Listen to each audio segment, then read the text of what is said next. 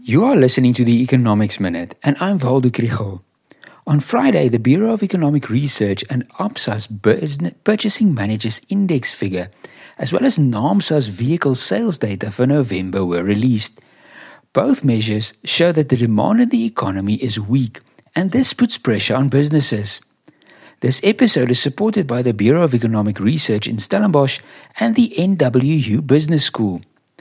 The Purchasing Managers Index increased by 2.8 points to 48.2. Every improvement helps, and this is an improvement after two months of declines. But one has to look at the sub indices to understand what this means. The business activity and new sales orders sub indices have improved, but are still in negative territory. Activity is therefore still decreasing, but at a slower rate.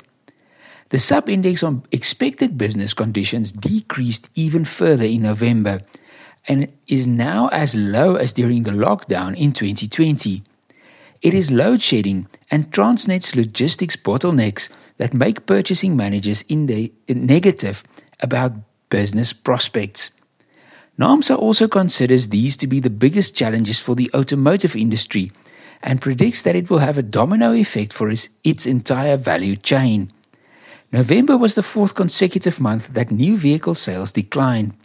Sales were 13.4% lower than in November last year, and total sales are 1.3% lower than before the pandemic. The problem is that it doesn't look like Eskom and Transnet's problems will be resolved quickly, and consumers will only be getting the benefits of lower interest rates later in 2024.